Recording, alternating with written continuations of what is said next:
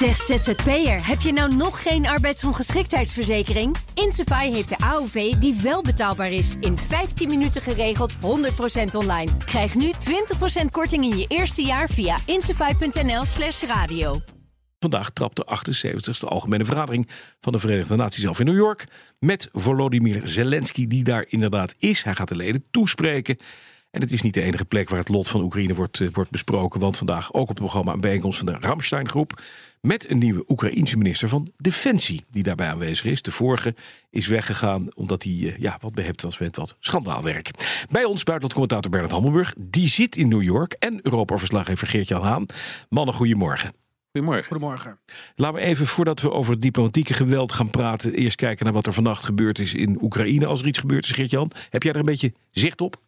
Ja, Oekraïne zegt dat het land uh, bestookt is met uh, Russische drones vannacht. En dat zijn dan met name die Iraanse Shahed-drones.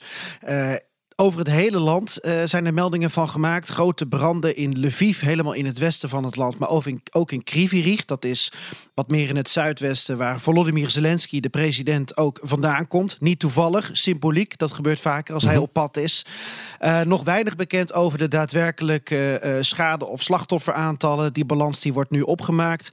Vanuit Rusland heb ik geen berichten gezien... en ook geen melding vanuit Oekraïne gehoord... over dat er drone-aanvallen in Rusland hebben plaatsgevonden vannacht. En tot slot, Bas, um, uh, ja, toch wel belangrijke ontwikkelingen aan het front. Want rond Bakhmut weet Oekraïne weer steeds meer terreinwinst uh, te boeken. Mm -hmm. En dat is interessant, omdat um, Biden en Zelensky, zo weet Bernard ook, in het verleden best wel in onmin met elkaar zijn geweest over: moet je nou wel zoveel mankracht en munitie inzetten bij dat tegenoffensief bij Bakhmut? Laat dat toch, werd er tegen Zelensky gezet. Nou, nu, nu zijn be um, bezoek aan Amerika plaatsvindt, is dat wel belangrijk, denk ik, om mee te nemen. Zeker. Dankjewel, Gio. Bernard, inderdaad, jij bent in New York voor die uh, algemene vergadering van de, van de Verenigde Naties. Uh, wat, wat gebeurt er daar? Wat, wat, wat gaan we zien? Nou, Want de, er zijn een paar grote prominente koppen ja, niet aanwezig. Hè? Nee, dat is heel opmerkelijk. Er is, van de vijf vaste leden van de Veiligheidsraad um, is er maar één staatshoofd gekomen, dat is Joe Biden. Dus geen Xi Jinping, geen Vladimir Poetin, geen Emmanuel Macron en ook geen uh, Sonny Sunak. Ja. Die ontbreken, ontbreken allemaal. Um, en dat, nou ja, heel veel mensen hier zeggen, ja, de, de stoom is er een beetje uit hmm. bij die uh, VN. En het is ook een beetje, er hangt een klein beetje een druilerige sfeer, zal ik maar zeggen. Ja. Maar vandaag, de derde dag van september, is natuurlijk toch wel een hele bijzondere. Ook in New York. Want dat is de officiële aftrap van uh, wat dan heet de High Level Week. Dus als alle belangrijke dingen gebeuren en de belangrijkste mensen aan het woord komen. Mm -hmm. Uh, en dat begint altijd traditioneel met een toespraak van de Braziliaanse president, uh, Lula, Lula in dit geval. Mm -hmm. En hoe komt dat nou? Omdat toen die VN werd opgericht en het voor de eerste keer moet gebeuren, niemand die eerste toespraak wilde houden. en toen zei Brazilië, nou dan doen wij het. het.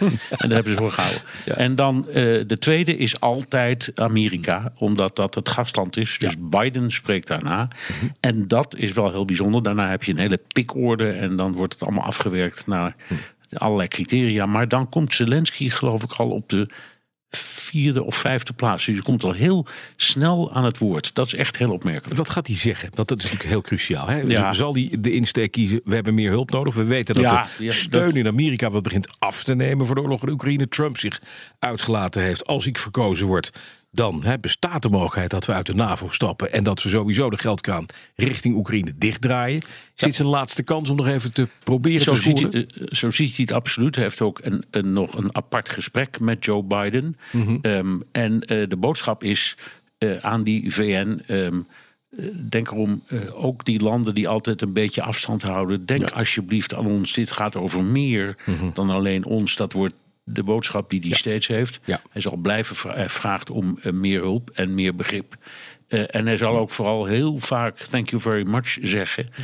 Want je weet, hij heeft een tijdje geleden op zijn kop gekregen van Wallace, de Britse minister van Defensie dat hij wel eens wat genereuzer en wat dankbaarder mag, mag zijn. Nou, dit, dit, ja. dit is het moment, ja. Ja, zeker. En dan even naar Ramstein. Want die Duitse basis, een Amerikaanse basis in het Duitse Ramstein. Daar is die, die Ramstein-groep vandaag bij elkaar, Gert-Jan. Eh, daar zit een heel ander gremium. Wat mogen we daarvan verwachten? Want dat is alles wat Defensie doet, hè? Ja, precies. Dat is eigenlijk hoe krijg je Oekraïne binnen de, de NAVO-standaarden, zeg ik maar. Ja. Eh, eh, qua defensieprogramma, mun- munitie, hoe ze moeten vechten in deze oorlog. Ehm, Lloyd Austin, de Amerikaanse minister van Defensie, en de nieuwe Oekraïense minister van Defensie, Umerov, die hebben al gebeld afgelopen week.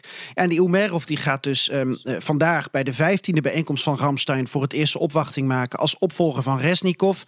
En dat wordt natuurlijk interessant om te zien Ja. wat hij kan presteren. Zowel Zelensky als eh Umerov worden nadrukkelijk gevolgd door eh, de Oekraïnse pers en het Oekraïense volk. Maar die verwachtingen zijn altijd hoog gespannen, Bas. Dus dat is bijna onmenselijk ehm, wat ze dan kunnen presteren. Ik verwacht ook niet dat er nu iets van ATACMS of eh, Taurus vanuit Duitsland richting Oekraïne eh, zullen gaan.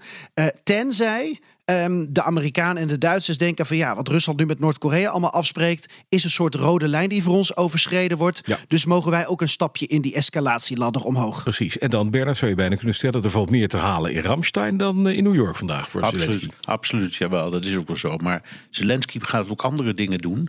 Die gaat eh, een, een gesprek voeren met bijvoorbeeld Netanyahu, Mhm. van wie die dolgraag de technologie van die Iron Dome wil hebben. Ja. En hij gaat praten met Lula van Brazilië. Ehm, om eh, te vragen of hij alsjeblieft van dat voor hem onhebbelijke standpunt af wil stellen dat die man neutraal wil blijven. Ja. Dat vindt Zelensky niet passen in deze wereld. Dus hij eh, gooit ook op een andere boeg en praat ook dus met anderen dan alleen maar de usual suspects. Duidelijk. Dank jullie wel. Buitenlandcommentator Bernard Hammelburg en Europa-verslaggever Geert-Jan Haan. Zeg ZZP'er, heb je nou nog geen arbeidsongeschiktheidsverzekering? Insafai heeft de AOV die wel betaalbaar is. In 15 minuten geregeld, 100% online. Krijg nu 20% korting in je eerste jaar via insafai.nl slash radio.